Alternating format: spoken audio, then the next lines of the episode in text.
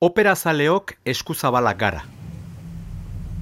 Are gehiago, eskuzabaltasun handiegiaren bekatua egiten dugula esango nuke. Gai garelako, onarte zina dena onartzeko. Errespeturik gabea aintzat hartzeko. Eta defenda ezina dena defendatzeko. Hain zuzen ere, musikak, guztia onargarri, nabarmen eta defendagarri bihurtzen duelako. Saiatuko naiz asaltzen.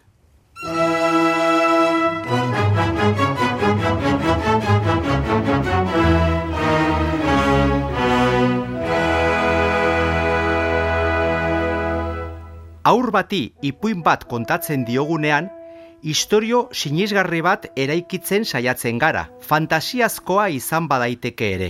Bai, elementu sinestezinak zar ditzakegu, existitzen ez direnak eta fantasiaskoak, baina hartzaileak eskatuko digu gure historiak nolabaiteko sinesgarritasuna izan dezan. Egan egiten duten eren sugeak edo tartaloak egon daitezke, baina muga horien barruan, historiak koherentzia bati jarraitu behar dio, eta horrek, adibidez, behin eta berriz kontatzeko aukera emango digu. Baina operan, dauden konbentzionalismo ugarien barruan, badabat zale honak onartu eta bere ganatzen duena. Musika honak, sentzugabekeria oro justifikatzen du. Eta horren adibide ona jarri nahi badugu, Giuseppe Verdi Il Trovatore opera da adibide perfektua. Aitor dezaket gaur egun ere zaila egiten zaidala opera honen kontakizuna jarraitzea. Saia gaitezen hala ere, historio korapilatxu honen nundik norakoak asaltzen.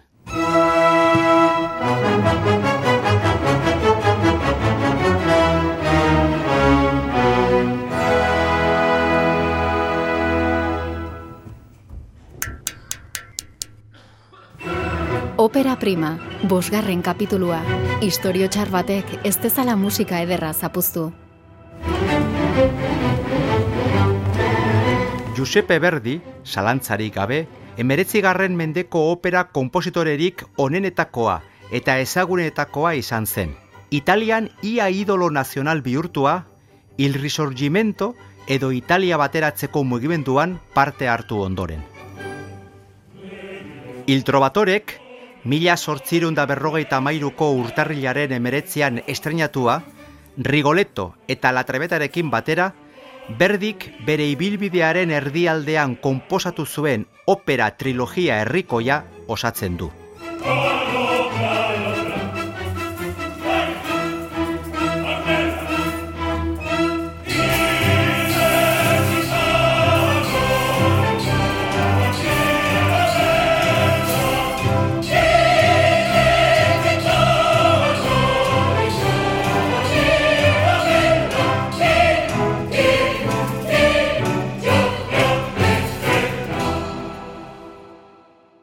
Iltrobatoren maitasun, mendeku, jelosia eta suntxipen historio baten aurrean gaude.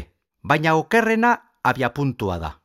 Urte batzuren ostean, azuzena hijitoak, luna kondearen aurkako mendekoa mamitu zueneko gertaera hori.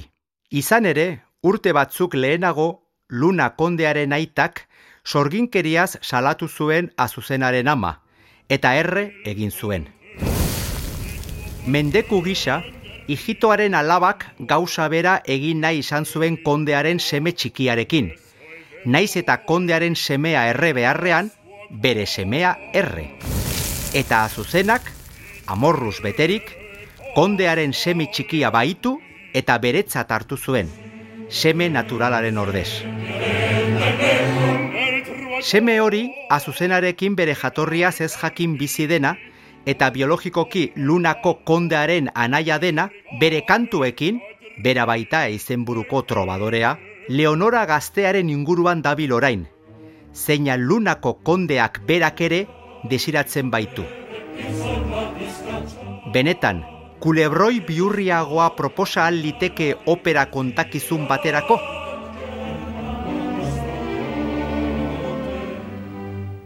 Egoera honen aurrean, lunako kondea, trobadorea den bere maitasun kontuetako aurkaria desagerrarazten saiatuko da. Errealitatean, ijitu erresumindu batek baitu eta duela urte asko desagertutako beranaia txikia dela jakin gabe. Izan ere, gaur egungo lunako kondeak urte asko daramatza beranaia galdua non den topatu nahian.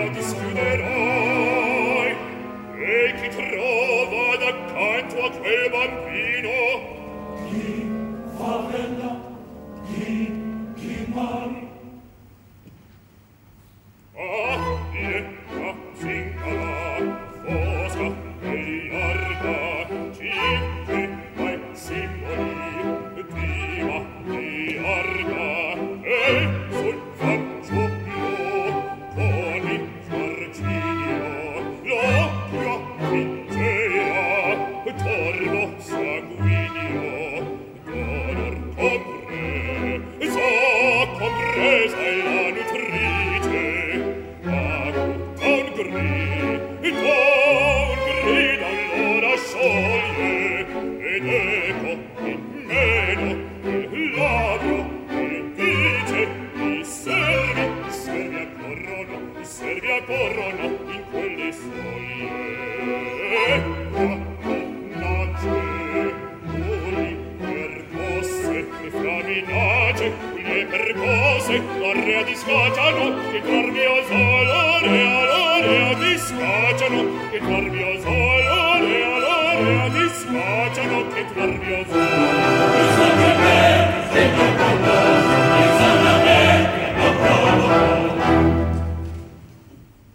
nahi ere, patuak ala kasuaitateak, kondearen guardiako kapitainak ijito ura azuzena dela esagutzea nahiko du, atxilotzeko aginduz. Manriko izeneko trobadoreak, eriotzaren beldur izan gabe, kondearen gaztelua erasotzea erabakiko du ama erreskatatzeko.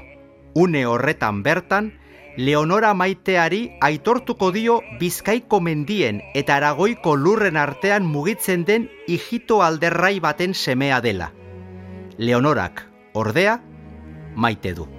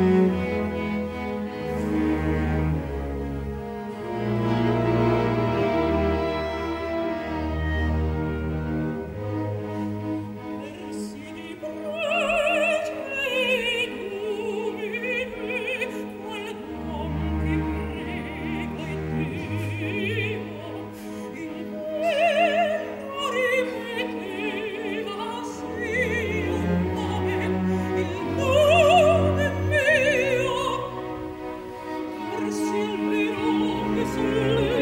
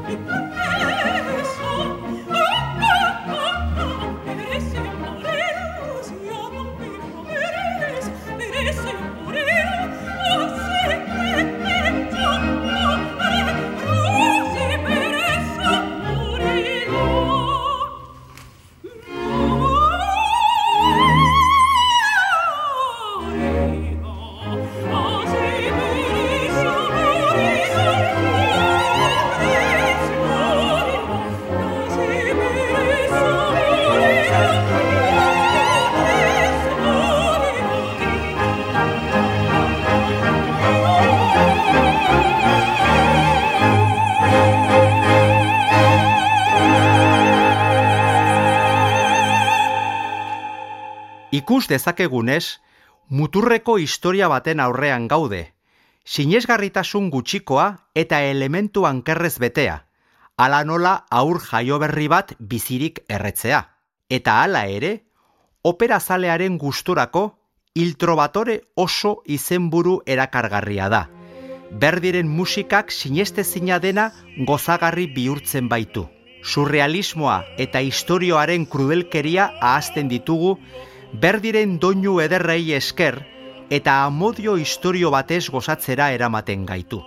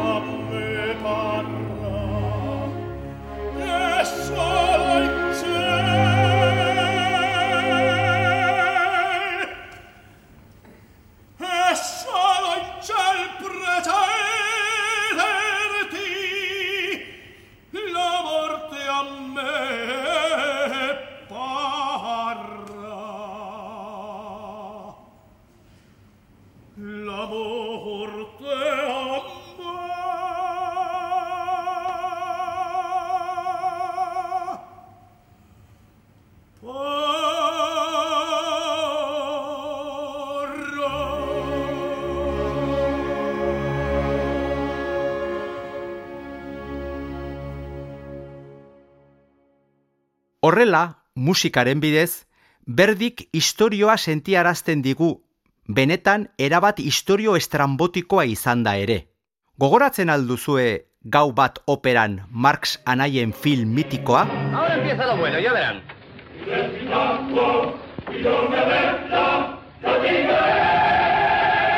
No cantaré si no expulsan esos dos hombres. Sí, sí.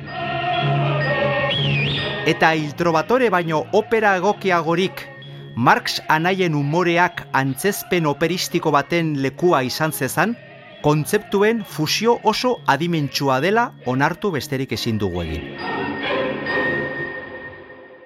Baina amaitu dezagun kontakizun hau. Adierazi ditugun maitasun handiko eta gorroto handiko sentimentu guztien ondoren, Lunako kondeak Leonora atxikitzea lortuko du, bere emazte bihurtzeko asmoz. Gainera, ama hijitoa eta trobadora errebeldea ere preso hartzea lortuko du, eta zirkulua iztear dagoela dirudi.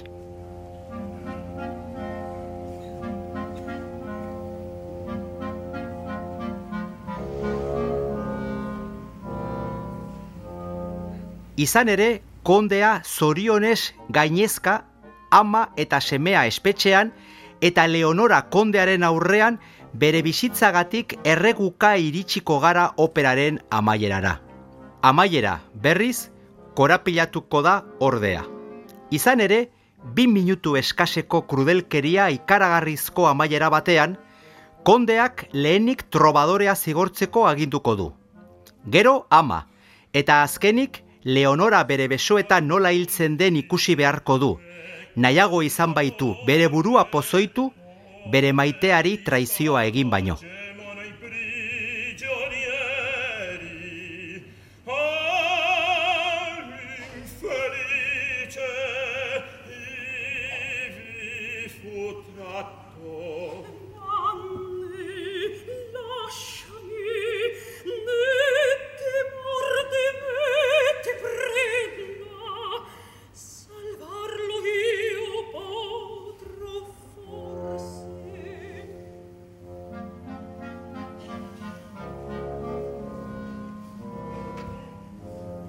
Eta mendeku irrikaz dagoen konde horen azken esaldia esanguratsua izango da. Ebibo ankor, hau da, eta oraindik bizirik nago. Azuzenaren ahotik jakin baitu bere bizitza osoan zehar bila ibilitakoa naia hil berri duela. Eta Leonoraren maitasunak eragindako berehalako eriotzaz ohartzean. Hori bai, entzule, historio bitxi honetan galdu bazara, musikaren edertasunean babesa topa dezakezu beti, beste batzuek egiten dugun bezala.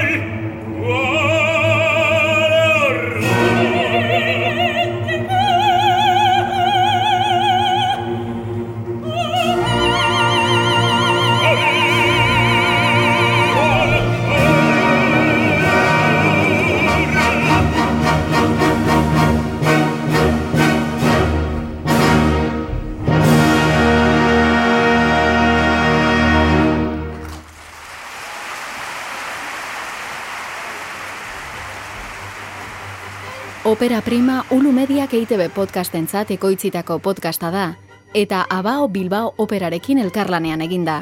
Lasarteko Ulu estudioetan grabatu eta editatu da. Zuzendaritza eta narrazioa, Enrique Bert. Gidoia, Enrique Bert, Martin Etxeberria eta Xavier Etxeberria. Soinu diseinua, Jon Gartzia eta Oier Arantzabal. Arpidetu eta entzun Opera Prima EITB podcasten, edo audioak entzuteko darabiltzun dena delako plataforman. Ei, txt, entzun hori. Ulu Media.